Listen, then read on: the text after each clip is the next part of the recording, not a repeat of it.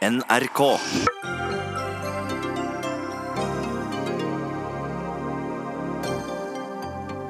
Iran holder igjen et britisk, svenskeid skip med hele besetningen på 23. Storbritannias eh, statsminister Theresa May holder krisemøte om situasjonen to dager før hun skal gå av.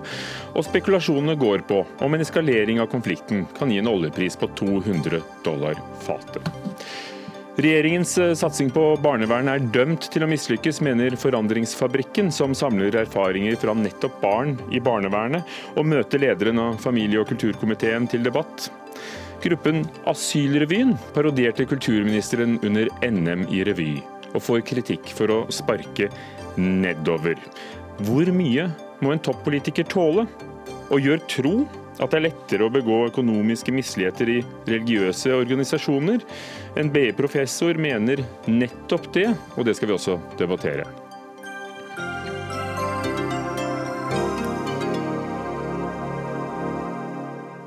Velkommen til Dagsnytt 18 i NRK P2 på NRK2 med Ugo Fermariello i studio.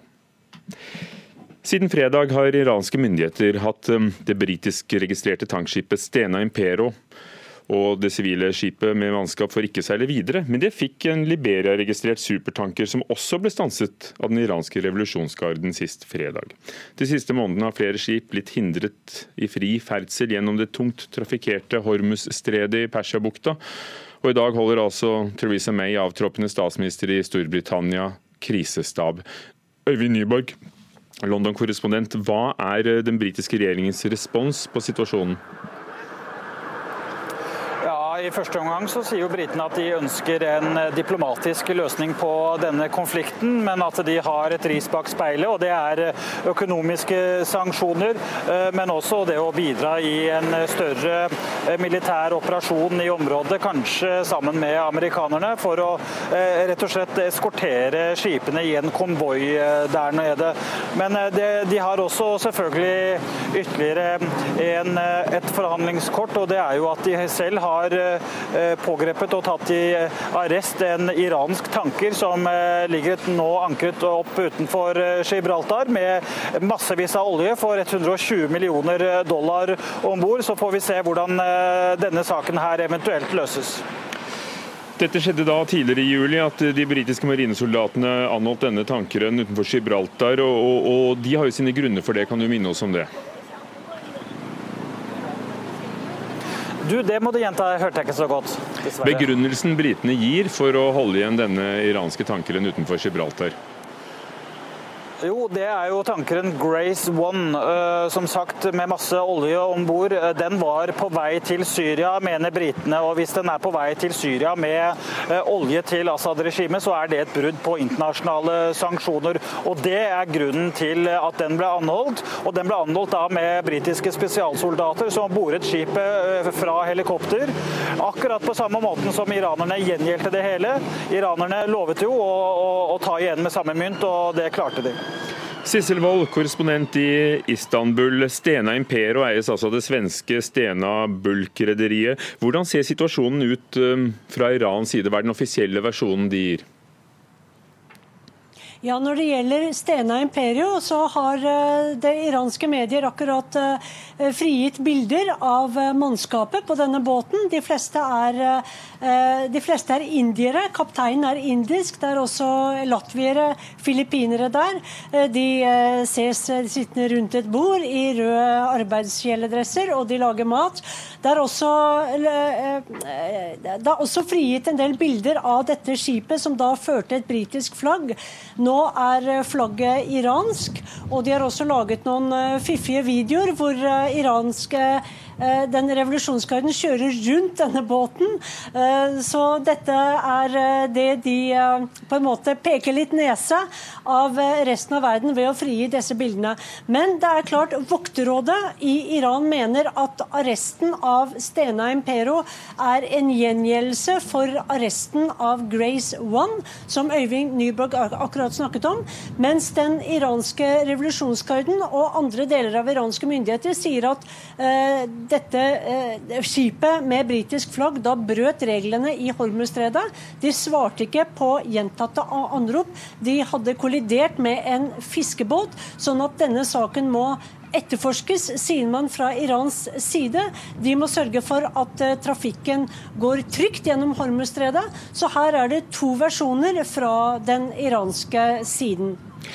Og Øyvind Nyborg i London, Det er vel ikke helt klart at britene er klare til å fortsatt spille rollen som uh, verdens politimann og, og, og, satse enda mer på å patruljere her, kanskje i en koalisjon som USA har bedt opp, en koalisjon av vennligsinnede land. Hva, hva vil utfallet være av det Theresa May og staben kommer frem til? Altså, Britene føler at de nå har havnet midt oppi en smørje de helst skulle vært eh, foruten. For eh, de står midt imellom EU eh, e på den ene siden og USA på den andre. Amerikanerne har jo revet i stykker Iran-avtalen og gjeninnført økonomiske sanksjoner mot Iran.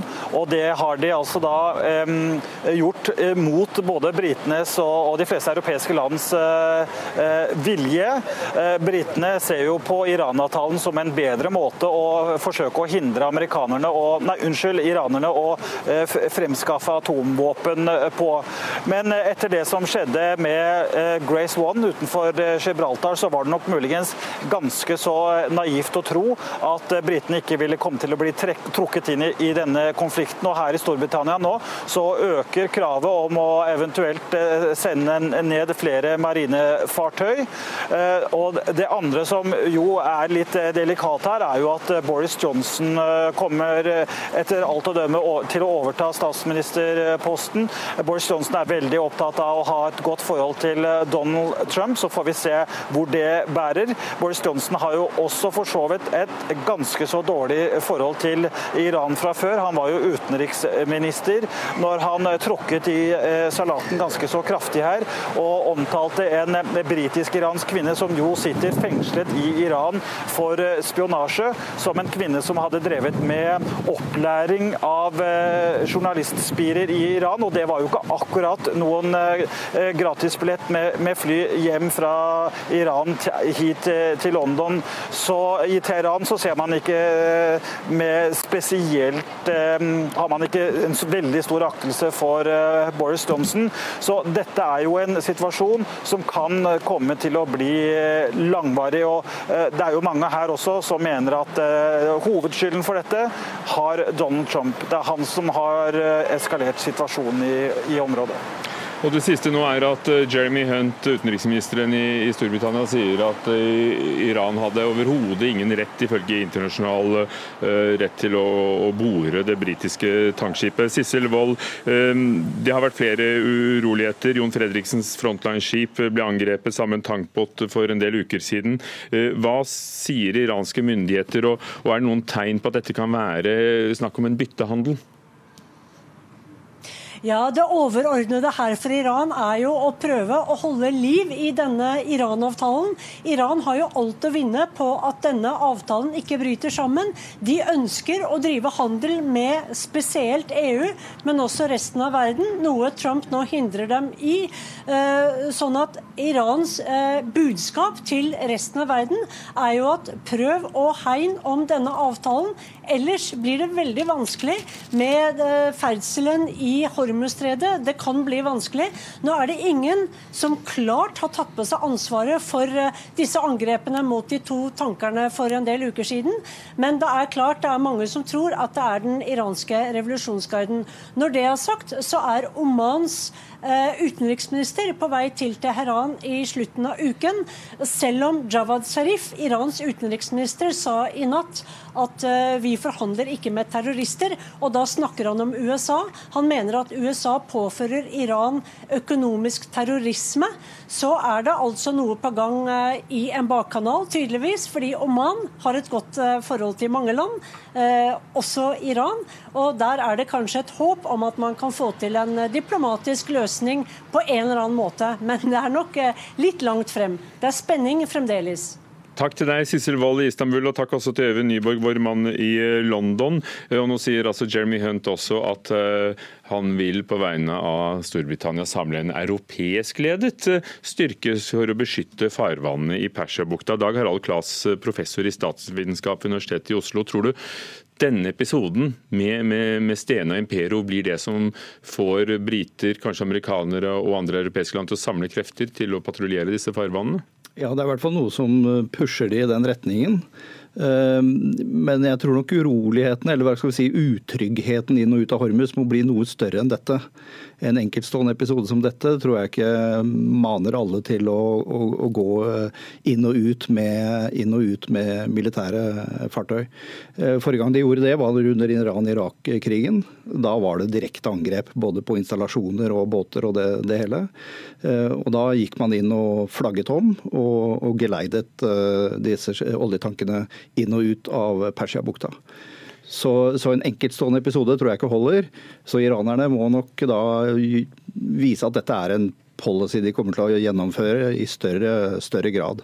Kan du tenke deg at det blir en byttehandel mot det iranske skipet som britene holder ved Gibraltar? Ja, Det ble jo nevnt at britene føler at de sitter litt i saksa her, ikke sant? mellom en del både i forholdet til USA og forholdet til europeerne og, og det hele. Så, så en, en, vei ut er å prøve å få frigitt begge skip eh, samtidig. Eh, og, og, og, komme seg ut av dette, sånn at man ikke er direkte berørt av dette. Det er jo egentlig, som det også blir nevnt her, det er jo egentlig Donald Trumps oppsigelse eller at trekker USA ut av atomavtalen som har, og innføre sanksjoner, som har generert denne situasjonen da, i, som du jo refererte også tidligere episoder. Harald Solberg, administrerende direktør i Norges Rederiforbund. Eh, hvor mange norske skip befinner seg i området? For tiden 38 skip med norske eierinteresser og i Omanbukten og Persiagolfen, og åtte av disse har norsk flagg. Og alle segmenter som har vi er medlemmer hos oss, er representert. Både tankskip, bulkskip og skip med rullende last. Så vi skjønner at dette er et av de viktigste stedene i verden for, for å seile i kommersiell trafikk. Og hvordan vil du si situasjonen i Hormuzstredet er nå historisk? Svært alvorlig og eh, etter vår vurdering også en svært eh, uvanlig situasjon. Eh, sivile skip har blitt mål for noe som oss ser ut som en større konflikt, og det er en uholdbar situasjon. Vi har hatt angrep på sivile skip i dette området både i mai, juni og nå sist i juli, som har vært nevnt. og Det er uklart om disse har en sammenheng, men det er likevel ikke helt utenkelig. Og Med denne alvorlige situasjonen så utfordrer det sikkerheten både til mannskapene om bord, til skipene og til lasten. Og det utfordrer også retten til fri ferdsel til havs.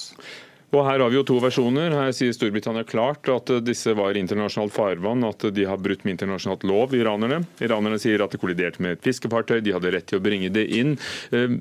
Når det er såpass usikkert hva som skjer der, hva gjør deres kapteiner og kaptein om bord på disse skipene med norske interesser eh, stole på at eh, briter eller amerikanere er der? Vi, eh, vårt råd til våre medlemmer er å holde lengst mulig avstand til iransk farvann. Selv om dette er et trangt stred og det er ikke mye å gå på. og I tillegg til at det er trangt, så er det også trafikkseparasjon, slik at man skiller inngående og utgående trafikk. I tillegg så har vi eh, gitt våre medlemmer råd om at de gjennomfører grundige risikovurderinger før de seiler, og har en oppdatert beredskapsplan eh, for skipet. Utfordringen med den siste episoden vi nå har sett, er at man står overfor et angrep med, hvor man benytter seg av militær taktikk, militære våpen, militære kapasiteter, og truer eh, og tvinger et sivilt skip til både å endre kurs, og man tar også arrest i skipet. Ja, jeg sa innledningsvis at det må mer til før man skal gå inn med konvoier, men jeg er helt enig i at vi er i en veldig spent situasjon. La meg ta en parallell. Etter at atomavtalen var på plass, så var det eh, en amerikansk eh, en lettbåt med amerikanske marinegaster, en RIB, som fikk motorstopp inne i dette området og drev inn i iransk territorium. De blir da oppbrakt av amerikanerne, tatt, nei, tatt av iranerne, tatt til fange, men sluppet ut eh, dagen etter. Dette var et militært fartøy fra amerikansk militært fartøy.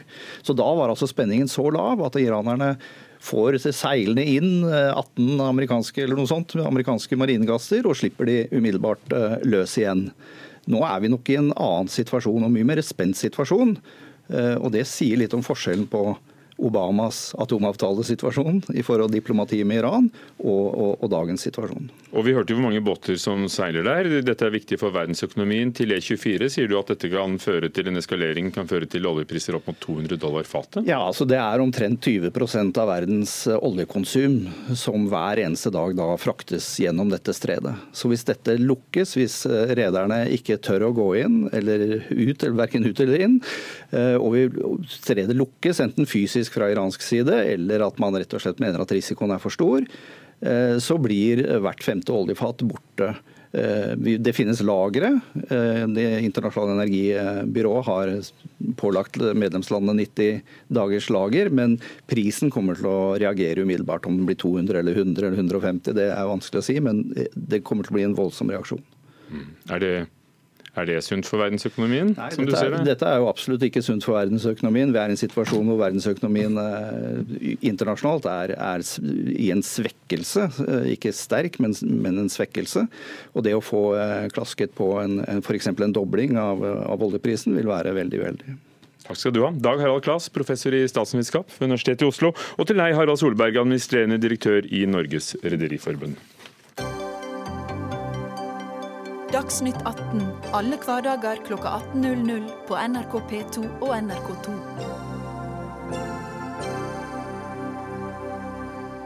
Komiker og nå president Volodymyr Zelenskyj får et solid flertall i nasjonalforsamlingen etter eh, det siste valget i Ukraina. Og hva vil det bety for den store internasjonale poteten, nemlig Russlands annektering av Krimhalvøya? Er det på tide å anerkjenne at Krim er, og kanskje vil forbli, russisk. Det mener i hvert fall journalist og forfatter Mari Christensen, som kommer hit til Dagsnytt 18 om litt. Nå skal det handle om barnevernet. Altfor mange barn tør ikke fortelle hva de har opplevd og hva de trenger hjelp til i barnevernet. Det mener stiftelsen Forandringsfabrikken, som eh, nettopp snakker med barn som har erfaring fra barnevernet. 1500 av dem. Og har gjort det i over ti år. Nå skal barnevernloven forandres, en ny en er ute på høring.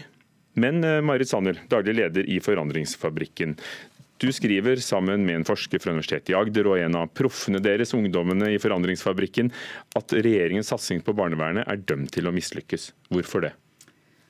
Det er jo en sterk overskrift. Eh, den er ment godt. Det er fordi at det er noen grunnleggende ting i systemet barnevern som gjør at det ikke blir trygt nok for barn til å fortelle det aller, aller viktigste som barnevernet må vite for å, god, for å kunne gi god hjelp, rett og slett. Og det sier unger veldig tydelig i undersøkelse etter undersøkelse. Vi, vi, har jo nå spurt unger som du sier i ti år, og vi har eh, siste året spurt eh, barn fra seks år oppover. Og nå svarer de eh, noen av de samme grunnleggende tingene. Det er tre grunnleggende hovedsvar.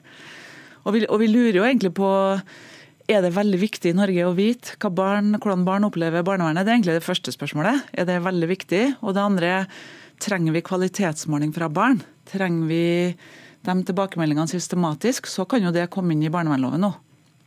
Så egentlig, eh, hvis jeg skal si hva de tre hovedsvarene er, så handler det om at eh, når barn skal fortelle til barnevernet, så skal de fortelle om folk de er i utgangspunktet veldig glad i, selv om kanskje noen av de folkene, altså familien, også har gjort dumme eller vonde ting.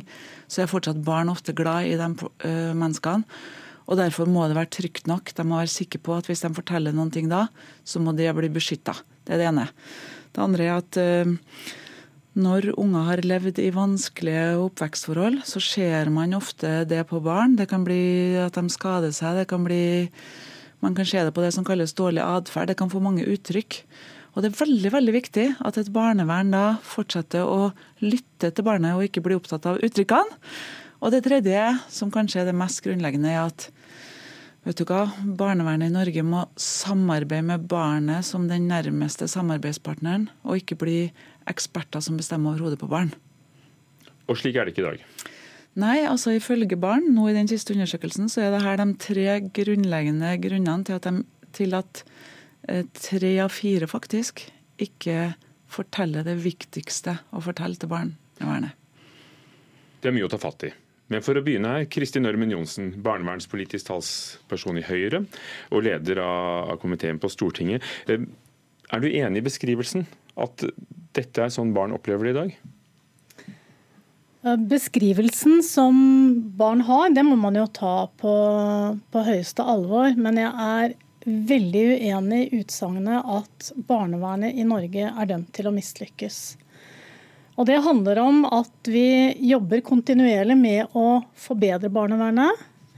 Og det overordnede i barnevernet, og det er et tverrpolitisk enighet om, det er at det er barnets beste som skal legges til grunn for alt vi gjør. Enten det er forebygging, eller det er behandling, eller det er at man faktisk må ta barnet ut av hjemmet sitt, så skal barnets beste legges til grunn. Og så har vi nå faktisk eh, gitt barnets stemme større rettigheter i den loven som er i dag. Og i den barnevernsloven som nå er ute til høring, så forsterker vi det ytterligere. Samtidig så bygger vi kompetanse i barnevernet. Og jeg noterer meg jo at uh, i uh, artikkelen i VG så oppfatter jeg egentlig at kompetanse blir snakket ganske mye ned. Men jeg ser iallfall i mange rapporter, og når jeg snakker med barnevernsansatte selv, så er de faktisk opptatt av å få både kollegabasert veiledning og få støtte i det de gjør. Og så eh, ønsker de jo at kommunene skal ta et eh, større ansvar i barnevernet. Så ja, det er mye å ta tak i. Men det er veldig mange gode krefter, og bl.a. Forandringsfabrikken, som jobber for at vi skal få et kjempegodt og trygt barnevern. Det er vel ikke bare de politiske partiene som er enige om at barnets beste skal stå i sentrum. Det er, de er vel absolutt alle enig i. Hvorfor mener du at forslaget til ny lov ikke følger opp det dere savner?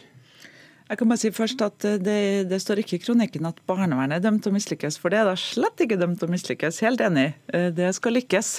Eh, godt barnevern i Norge trenger vi. vi et, Men regjeringens satsing på barnevernet mener du er Regjeringens satsing på kompetanse var det jo som sto om i den kronikken. Mm. Og grunnen til at det står sånn, er at den kompetansesatsinga bygger i for stor grad eh, på en, et system som også har de her feilene sant, som barn peker på inni seg. Så Derfor så må man opp, rette opp de systemfeilene. Og så må man bygge kompetanse når de systemfellene er riktige. og Det har man jo mulighet til i den nye loven nå. Men Vil dere kaste opp alle kortene og forandre hele måten barnevernet jobber på? På en måte er kortene litt kasta når barnevernloven er opp til diskusjon, og det er veldig veldig fint. Og det, det er noen fantastiske ting som kommer i den loven, håper vi da, som, som regjeringa har eh, foreslått. Og det, og det er jo det med å beskytte det barnet forteller til barnevernet, som er en av de tingene som barna peker på, det kommer det forslag på i den nye loven. Det er veldig fint. Hva er det som ikke er fint? Eh, det som må bli tydeligere, er det med barnets beste. Det står, det er helt riktig at det står en, eh, et lovforslag der som heter barnets beste, men det barn sier, er at når voksne skal kunne snakke om barnets beste, så må de ta utgangspunkt i ungen sin beskrivelse ikke sant? på hva som er problemet for seg. Og for å få fram den riktig og ærlig fra barnet, så må barnevernet være trygt nok. Så derfor må barnevernloven uh, ha enda større vekt på trygghet. Det må være det står flere paragrafer i barnevernloven nå som tar utgangspunkt i barns atferd, som er en veldig utrygg ting for barn. Eh, det må beskrive det må, det må det, Unger tenker vel, tru, sant, og det er sagt mange ganger, at det her, er, det her er litt gammel måte å tenke på, å fortsatt snakke om atferd til barn. Vi har masse forskning i Norge nå som, som uh, sier at vi må forstå mye dypere. Når unger skader seg, gjør dumme ting, så handler det om at noe er vondt inni her. Betyr det at dere bygger på hver deres forskning? Jeg tror ikke det, men vi trenger kanskje mer forskning. Og vi trenger mer, faktisk mer kunnskap om hvordan skape gode relasjoner og tillit, sånn at da barn faktisk forteller det de har på hjertet, og har den tryggheten. Men jeg har bare lyst til å si at i den nye loven, så jeg må nesten lese teksten her, så skal man altså i vedtak begrunne barnets synspunkt. Altså det skal begrunnes. Og det skal faktisk skrives når man eh, har et vedtak om et barn, så skal det faktisk skrives hvordan barnets mening er vektlagt. Så jeg tenker at Da blir barnets mening om sin situasjon, hvordan man har det, det skal faktisk dokumenteres. Så jeg tenker at dette er et veldig godt skritt i riktig retning. Men noe jeg er opptatt av, jeg har jo vært eh, gammel kommunepolitiker det er faktisk at eh, kommunestyrene tar et større ansvar når det gjelder barnevernet. Det er veldig sjelden at eh, kommunestyrene diskuterer barnevernet i sin helhet. I den nye loven så blir kommunestyrene lovpålagt å faktisk komme en plan om barnevernet. Og i den planen så skal det snakkes om hva slags kompetanse er det man trenger, hvor mange barn er det faktisk som er i barnevernet i den kommunen, hvordan blir barnets stemme vektlagt. Hvordan høres foreldre? Hva er det som skjer? Det skal nå. Ja, nei, de, de, blir faktisk lovpålagt. For det blir egentlig mer makt til de som driver med barnevernet, fordi vi da syns. Ja. Og det er bra. Det er veldig bra. Eh, men det må også inkludere å få tilbakemeldinger fra barn på om det her funker. Det vet, ingen kan ta fra barn opplevelsen av sin egen virkelighet, men vet et barn alltid sitt eget beste? Barn vet i hvert fall hvordan hjelpa de har fått, har opplevdes for seg. Ikke sant? Og hvis ikke, altså Det må en regjering være fryktelig opptatt av og også hvit. Men her står det at det skal begrunnes, da blir det ikke en forbedring? Nei, for det skal begrunnes hvordan barnets mening er tillagt vekt når du skal gjøre et tiltak. Men tilbakemeldinga etterpå på hvordan hjelpa er gitt, den, har, den kunnskapen har vi ikke i Norge. Og den kunnskapen mener barn må bli også en del, Det må lovfestes at eh, alle kommunene må få tilbakemeldinger fra barn på hvordan hjelpa de gir, hjelper. I Norge er det veldig få kommuner som, system, som systematisk henter inn det. Men det, det tenker jeg, det er vi, vi er jo opptatt av hvordan brukerne eh, evaluere tjenester. Vi har det innen sykehus, vi har det på skoler, vi har det også foreldrene i barnehaver. Kunne dere da ha det mer Ja, det tenker jeg, men da er, gjelder det ikke ja, men jeg, tenker, ja, det, jeg kan ikke forskuttere det nå, men jeg er opptatt av at Men da er det ikke bare barna, det må også faktisk foreldrene. Som har barnet. Barnet er jo i en familie. De må også kunne si men, hvordan er de de er også fornøyd med den tjenesten som ja. brukes. sånn at hvis vi skal ha en evaluering, så må alle høres, og også eh, barnevernet selv må også få si hvordan er det de opplever tjenesten. Men det er barnas stemme ja, som skal høres.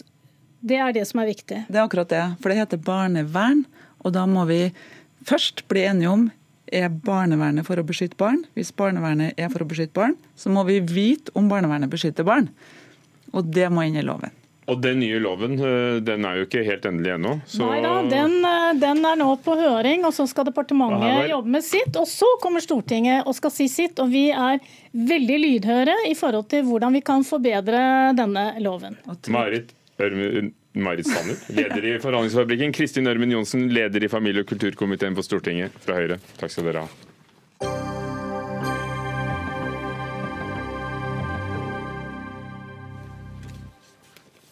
Du skal ikke stjele.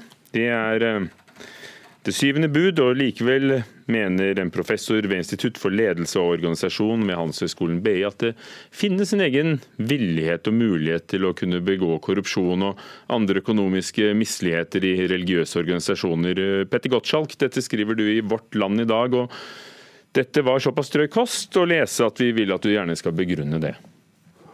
Ja, altså Det kan virke som bistandsorganisasjoner og en del andre religiøse miljøer, eh, altså bistandsorganisasjoner i regi av religiøse miljøer, eh, tenker at målet helliger middelet. Altså det å bestikke litt er greit eh, for å utrette noe for, for, verdens fattigste. Og så viser da forskning at eh, villighet mulighet og ikke minst motiv er ganske spesielle faktorer i religiøse miljøer.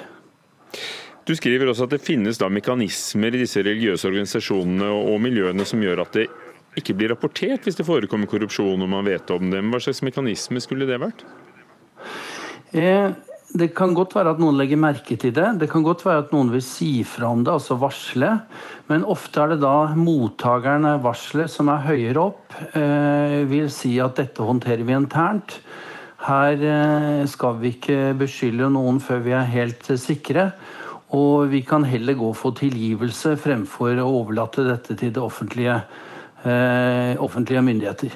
Hans Morten Haugen, professor i internasjonal diakoni ved VID, Vitenskapelig høgskole i Oslo. Du har også tidligere arbeidet i Kirkens Nødhjelp. Eh, er du med på at troen kan gjøre at man vender det døve øret til å, og la være å si fra om misligheter? Jeg vil si at uh, Gottschalk er nok en utmerket korrupsjonsforsker, men uh, religionstjener er han nok ikke. Uh, er det én ting Jesus advarer mot, når vi snakker om kristendommen mer spesifikt, så er det jo nettopp de forhold som kan avføde korrupsjon, nemlig grådighet, havesyke, maktmisbruk og selvopptatthet. Eh, så jeg vil si at hvis, hvis eh, Gottschalk, som han prøver i artikkelen å peke på, eh, nærmest at religiøsitet årsaksforklarer korrupsjon, så mener jeg at da, da er han ikke der hvor jeg mener at Jesu budskap i hvert fall retter oppmerksomheten. Han er litt mer nyansert i kronikken sin. Han sier bl.a. at evnen kan være kanskje litt lavere, men muligheten til å gjennomføre korrupsjon kan være noe høyere. men jeg syns allikevel at det at han måtte peke på at et sterkt forhold til troen kan åpne for muligheter for korrupsjon, og eh, følge hva religion anser som viktig oppførsel, kan åpne muligheter for korrupsjon, mener jeg at det er langt fra der eh, et budskap om ansvarlig forvaltning og det å hjelpe, tjene og dele godene eh, har sin oppmerksomhet. For fortsatt dette med å, å ville ta ting internt og å holde unna offentlighetens lys, altså uansett hvor det måtte forekomme, kan jo være noe enhver organisasjon vil være fristet til? Ja, absolutt. Og i næringslivet var dette et eh, kjempeproblem for noen år siden. Særlig når de skulle etablere seg i utlandet. At de både ville holde det skjult og, og gikk til korrupsjon for å oppnå telelisenser eller andre tillatelser. Men de har lært at uh, lovbrudd ikke er greit. og det jeg stusser over, er uh, det som var utløst av en kronikk i Klassekampen for noen uker siden. At, at det virket som lovbrudd var greit fordi man eh, i bistandsarbeid gjør så mye bra for, for verdens fattigste. Men Har du noen eh, tall på dette, eller er det antagelser? Ja, altså det, som, det som er med enhver type kriminalitet, er at vi kjenner toppen av isfjellet, men vi vet ikke hvor stort isfjellet er. Og vi anslår da et mørketall, eh, som da kan være én av ti blir tatt, eller én av hundre blir tatt. altså Uansett er mørketallet veldig høyt, at det er veldig få som blir tatt. og Måten vi kan anslå det på, er jo å se hvor vanskelig det var for de få sakene som i det hele tatt kom fram. Det jeg påpeker, er egentlig ikke så mye det den individuelle troen som miljøene, altså hvordan man oppfører seg i slike miljøer, og det er det forsket veldig mye på. Eh, veldig sterk lojalitet, veldig sterk eh, tro på at eh, hvis man f.eks. Eh, utøver grådighet. Altså Mange av disse organisasjonene, bistandsorganisasjonene er jo preget av grådighet, men ikke grådighet på vegne av seg selv, men på vegne av organisasjonen. Det viser jo de få sakene som har vært i Norge, Den katolske kirke, SOS Rasisme, at man mener at det er et så godt formål at eh, da kan vi jukse litt. Hans Morten Haugen, eh, hvis vi legger da teologien til side, har Gottschalk et poeng i at det kan, det kan være mekanismer som, som, gjør at disse organisasjonene kan rettferdiggjøre ja, noen uh, snarveier? All makt og alle tillitsrelasjoner kan misbrukes, det er ingen tvil om. Uh, jeg vil allikevel bestride som uh, generelt sannhet at det skal være så mye mer korrupsjon nødvendigvis i kristne sammenhenger enn i andre. Eksempelvis eh, er det sånn at var den første norske utviklingsbransjen som eh, avga årlige rapporter om sitt interne korrupsjonsavdekkingsarbeid. Eh, og jeg vil si at Det som er problemet her, er jo også at mye av bistandsarbeidet foregår i kulturer hvor korrupsjon er, og korrupsjonsmentalitet er langt mer utbredt enn i Norge, og med langt svakere systemer, og med kanskje svakere tillit til statsapparatet. Eh, da vil naturligvis det kunne gi muligheter for enkelte personer med la oss si, en overfladisk kristen tro eh, til å, å, på en måte lure seg unna eh, etterforskning, lure seg unna sånne mekanismer som foregår internt. Men det å si at det er mer tilbøyelighet og at det er svake systemer generelt, det vil jeg si er en, en, en feil slutning. Det er mer at kulturene hvor dette bistandsarbeidet foregår, har såpass store utfordringer at eh, det møter på problemer. La oss høre da med, med Petter Gottschalk. Altså, er, det, er, det, kultur og ikke tro? Altså kultur og, og, hvor de jobber, altså alle andre faktorer enn faktisk det teologiske, Petter Gottschalk? Ja, altså Det er jo et generelt problem i eh, korrupte land, altså de som er eh, nederst på Transparencys liste.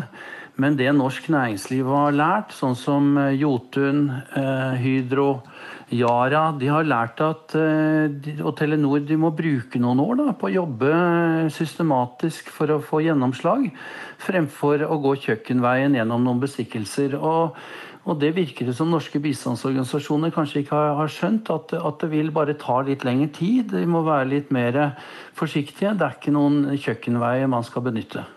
Takk skal dere ha, begge to. Petter Gottschalk, professor ved Institutt for ledelse og organisasjon, Handelshøyskolen BI, og Hans Morten Haugen, professor i internasjonal diakoni ved VID vitenskapelig høgskole.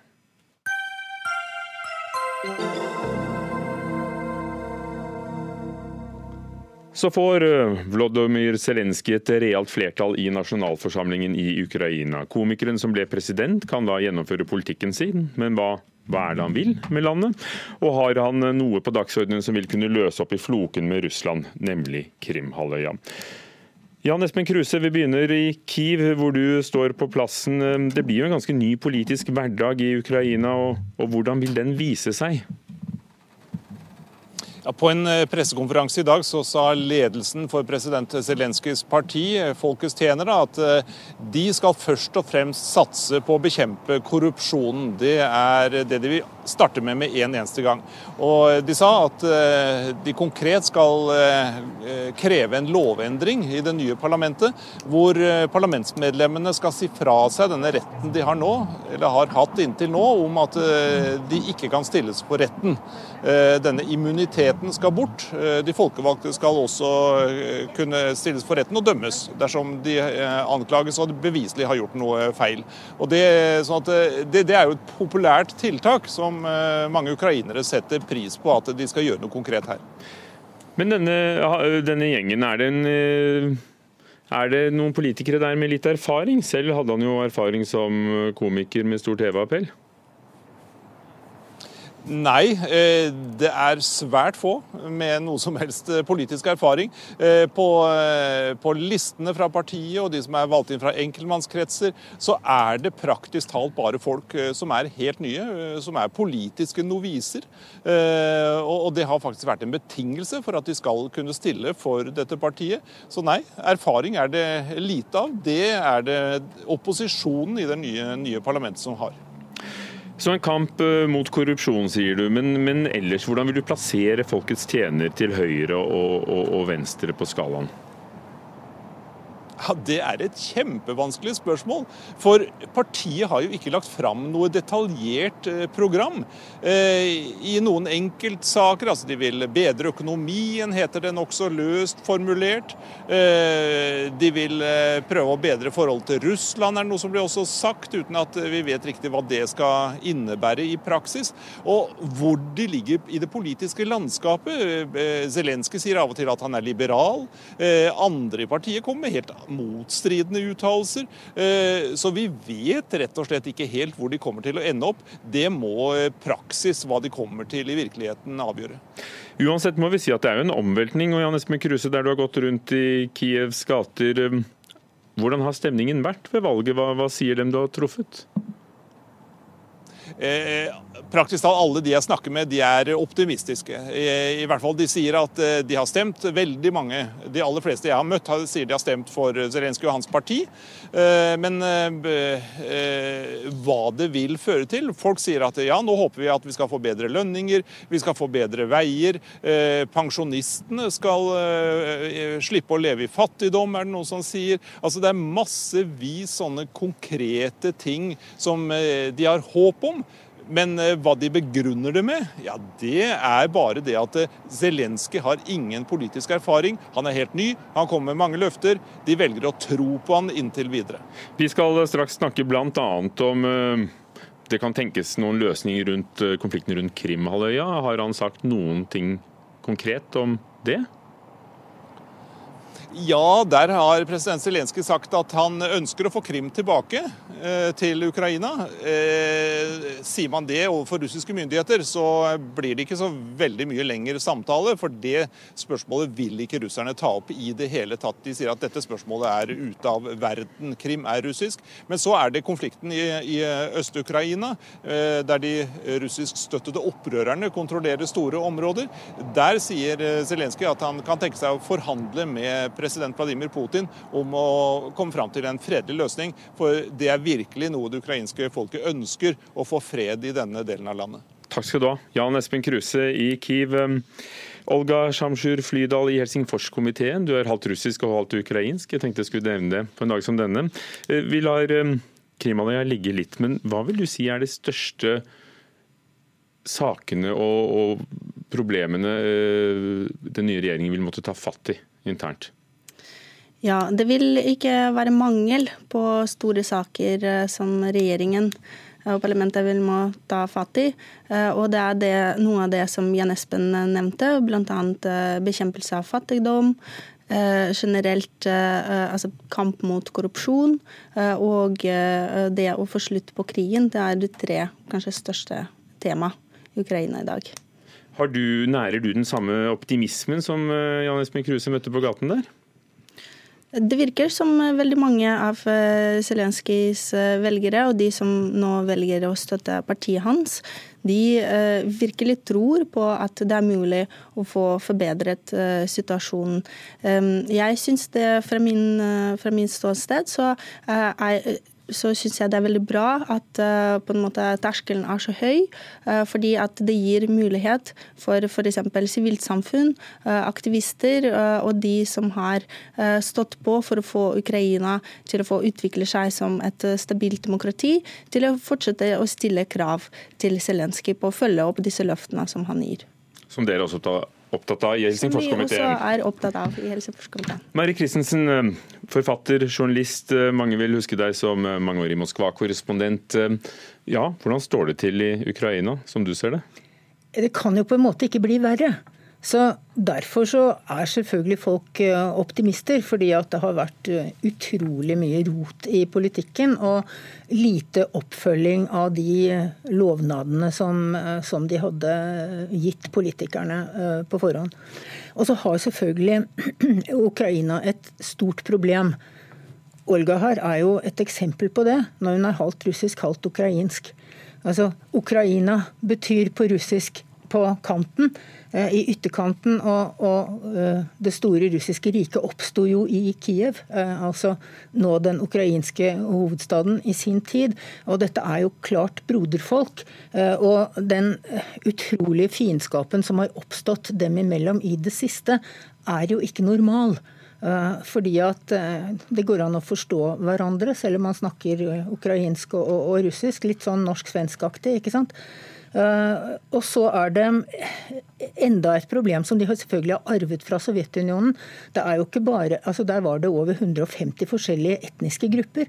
Eh, og i Ukraina er det mange etniske grupper.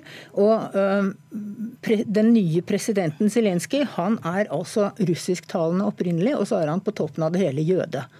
Sånn at her har vi de etniske problemene. Og det etniske problemet er faktisk hovedgrunnen til Donbas-problemet. fordi at der bor det eh, opprinnelig folk som er etnisk russiske i, i, i, flertall. Og Det er altså den krigen i Øst-Ukraina som vår korrespondent i Kiev eh, refererte til. Eh, Flydal, har du tro på at den konflikten går an å løse med Russland? For der har det da vært separatister som har dannet sin egen lille stat, Donetsk i det siste?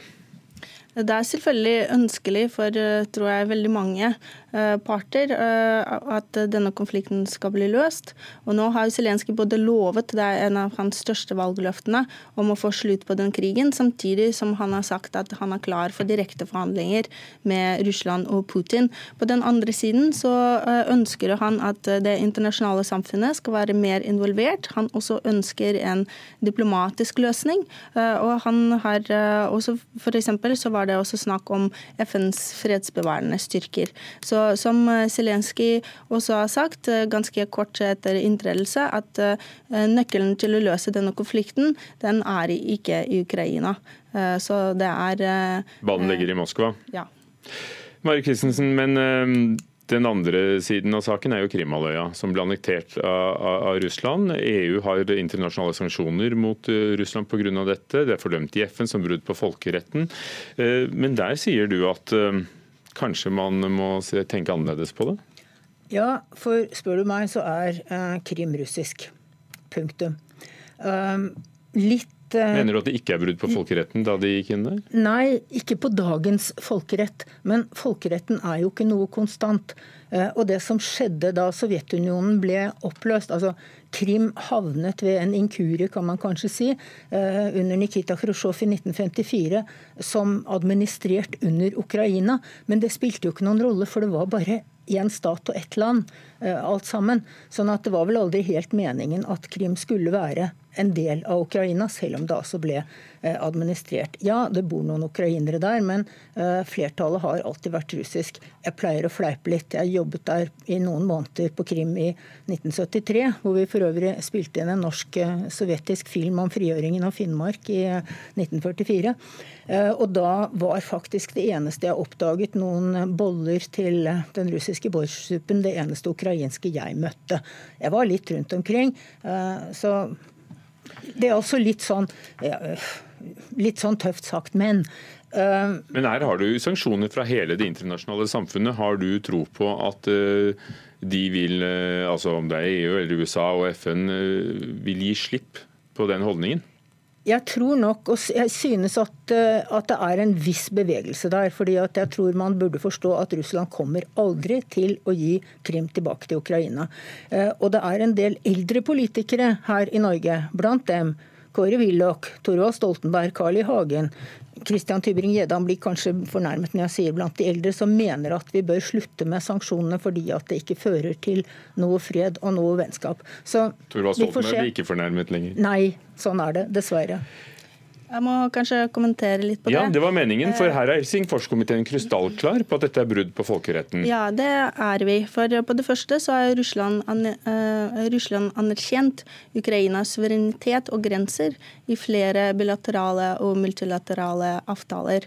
Uh, på det andre så er jo det slik at Russland gikk inn uh, med makt og militærmakt og, og annekterte Krimhalvøya og innlemmet det Eh, etter en folkeavstemning som 13 eh, av 15 medlemmer i FNs sikkerhetsrådet ikke anerkjenner. Eh, og ved gjentatte FNs resolusjoner som sier at dette er ulovlig. Norge for øvrig står også ved dette synspunktet og har ved gjentatte ganger uttalt støtte til Ukraina. Dette er den offisielle politikken også fra Norge, som støtter seg til EUs sanksjonsregime. Men Europarådet har nå sendt en representant via Russland, eh, en utsending. og eh, Kan det være det at historien vil da, eh, vil da gå forbi de formelle kravene til folkeretten her? Det vil i så fall skape en veldig farlig presedens. For dette er den første gangen etter andre verdenskrig at landsgrenser ble flyttet med makt. Men det er også den første gangen i historien at en stat som nå er delt opp i 15 forskjellige nye stater, med kriger over grensene, har har blitt oppløst uten at noen sa et ord om folkeretten. Og så må vi bare huske på én ting. Altså Sovjetunionen, ja. som Ukraina var en del av til 1991. Ja. Men så er det altså det uh, følelsesmessige her. Fordi at For russerne så er Krim veldig russisk. Det var der Leo Tolstoy, han med 'Krig og fred', den store forfatteren, fikk inspirasjon til å skrive hele denne, for han var altså eh, soldat der og skrev Sevastopol-fortellingene på 1800-tallet. Eh, Anton Tsjekhov har skrevet 'Damen med hunden' om dette feriestedet eh, som de hadde. Og Krim var en, krevde utallige menneskeliv fra Sovjetunionen under andre verdenskrig. så det det er, en, det er, noen følelser her fra Men, russisk side som det, det er, er også bilaterale avtaler som har kommet etter Tastaj og Tsjekhov. Ja, og da er det liksom sånn, ja, avtale, avtale, liksom, men historie er historie. Her kolliderer moderne og eldre historie. Vi skal se hvor historien går. Zelenskyj holder på at dette er ukrainsk, altså blir det vel ingen løsning i denne konflikten med Putin eh, med det nærmeste? Men han snakker ikke høyest om akkurat dette spørsmålet. Det er nok viktigere å få slutt på krigen i Donetsk og å få slutt på korrupsjon. Flydal, ser du noen løsning internasjonalt på, eh, mellom Putin og Zelenskyj når de holder på hver sine posisjoner der? Eh, altså, det, Putin gjennom sin talsmann har jo sagt at han ikke ønsker å snakke med Zelenskyj før dette med parlamentsvalget er avgjort. Og nå har vi hatt et parlamentsvalg, og Zelenskyjs posisjon er både mer klart og styrket. Hvor han vil antageligvis har en enkel majoritet i parlamentet. Så da er det faktisk veldig mulig å forvente at de vil Eh, ta seg sammen og ha noen eh, samtaler snart. Det er jeg enig i. Kan hverdagen i, i, Ukraina eh, gå sin gang uavhengig av hvordan Krim-konflikten utspiller seg? Det rare med den ukrainske krigen er nettopp vært at eh, for veldig mange innbyggere som ikke var direkte innblandet eh, i krigen og ikke har sendt eh, sine nære og kjære til fronten, har jo hverdagen nettopp gått upåvirket av krigen. Så det er veldig mange som sa at ukrainsk hær har gjort det veldig lett for folk å glemme at det er en krig som pågår. Hadde dere trodd at Zelenskyj skulle bli president og få et flertall? Ja, når Trump ble president i USA, så var det jo ikke så rart at Zelenskyj ble president i Ukraina. Hadde du trodd det? Ikke før første valgrunde, men etter den. Så da skjønte jeg det slik det blir. Og jeg hadde aldri i livet trodd at Sovjetunionen skulle bryte sammen. Og sånn går nå verden videre. Takk skal dere ha, Marit Christensen, forfatter og journalist, Olga Sjamsjur Flydal fra Helsingforskomiteen. Hør Dagsnytt 18 når du vil Radio.nrk.no.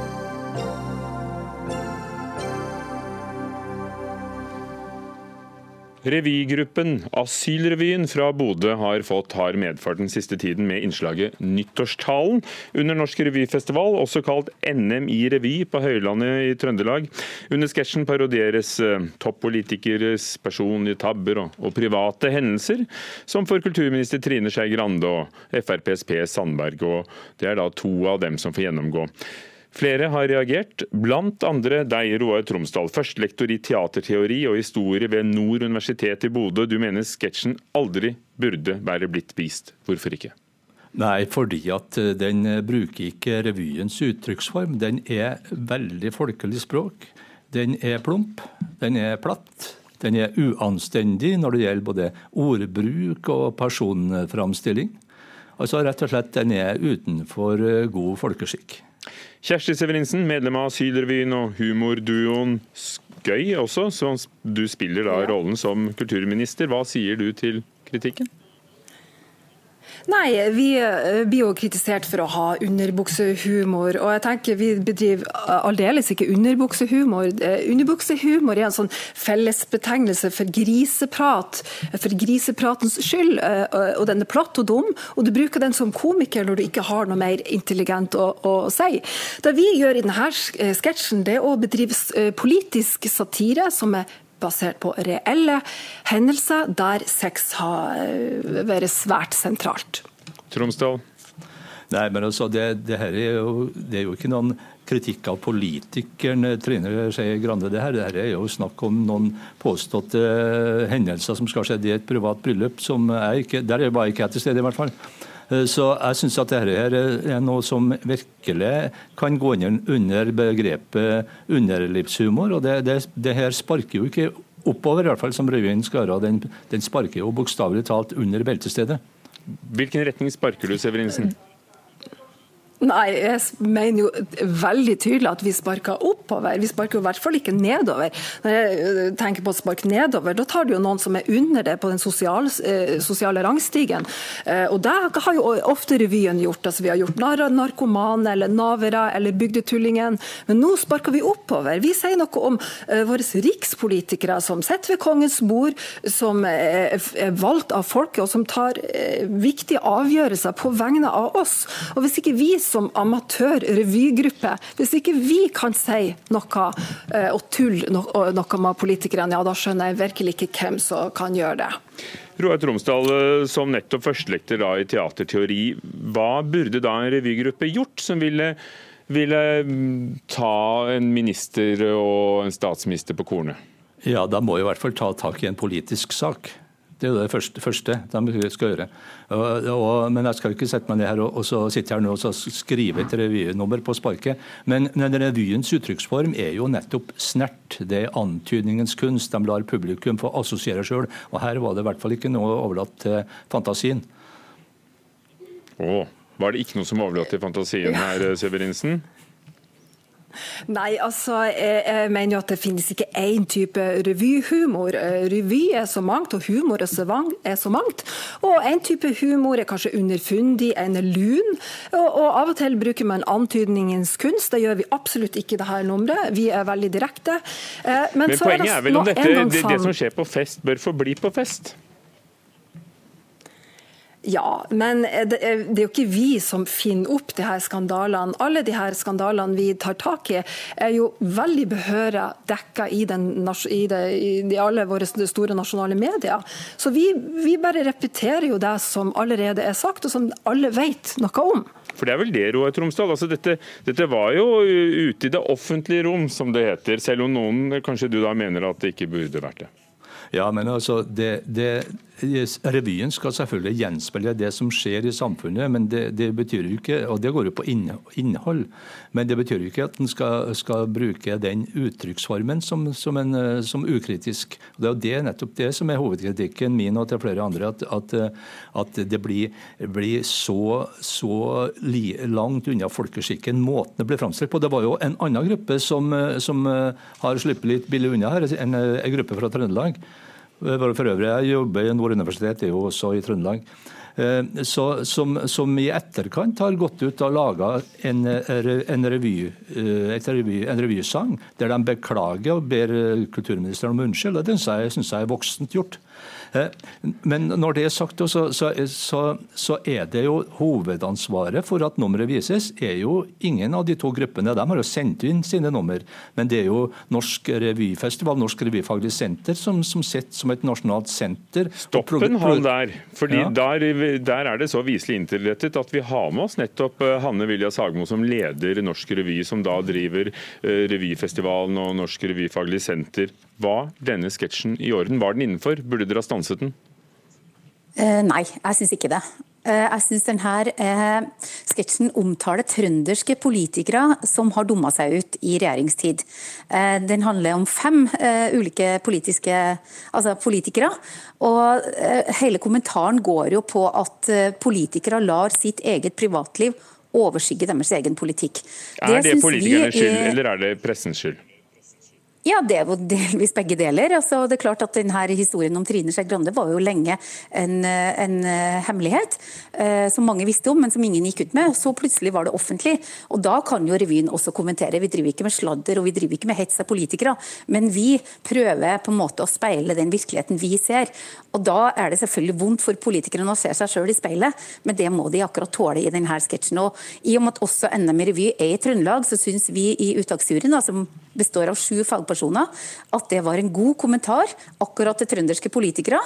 Og så har jo også en fagjury på tre personer sendt det videre til finalen. Så her er det jo allerede ti fagpersoner som har vært inne og vurdert nummeret. Roar Tromsdal ved Nord universitet i Steinkjer, altså takk for at du, du, rettet det. Er det noe med at toppolitikere må finne seg mer enn andre, uh, uansett hvor det er i forhold til beltestedet? Uh, nei, de skal finne seg i veldig mye når det gjelder over beltestedet. Det, da skal vi kjøre veldig hardt på å kritisere dem. Men må de finne seg i mer? For eh, dette er, eh, altså Ingen av sakene i denne revyen, sier da Norsk Revy, var ukjente. Alt dette var over VG og Dagbladet og NRK kanskje også? Men vi vet jo hvem som starta det, denne, det var jo Resett som starta denne saken her. Og jeg synes jo det her, Norsk Revy som et revyfaglig nasjonalt senter skal ikke legge seg på Resett sitt nivå. Hanne Vilja Sagmo. Nei, jeg syns ikke vi gjør det. Igjen, er Forsvaret altså det, Revyens viktigste oppdrag er å speile sitt samfunn. Og Her er det en eh, politisk kommentar, eh, og der Asylrevyen bruker overdrivelsens kunst. Ja, parodien er ikke vakker og lekker, det er den ikke, men det er jo gjort med hensikt. Akkurat for å vise at her overgår virkeligheten fantasien. La oss høre da til slutt. Kjersti Severinsen som den som spilte Grande og er med i Asylrevyen og humorduoen Skøy. Vil du ta noe av dette innover deg til neste gang du skriver sketsj og står der på scenen? Mm, ja, jeg syns eh, det har vært en fantastisk opplevelse å være i, i Trøndelag. Og, og, og jeg synes Det her nummeret, det som er bra med det her nummeret, er jo at det faktisk skaper debatt. og Det er jo ikke ofte eh, at et revynummer gjør, og at humor diskuteres. Så jeg, ja, jeg tror vi kommer til å, å lage lignende nummer i framtida. Tenke seg til debatt om revy. Takk skal dere ha, Kjersti Severinsen, Roar Tromsdal fra Nord universitet og, og også Hanne Vilja Sagmo fra Norsk Revy. Jarand Ree Mikkelsen var ansvarlig for Dagsnytt 18. Frode Thorshaug teknisk ansvarlig, Ugo Fermariello programleder.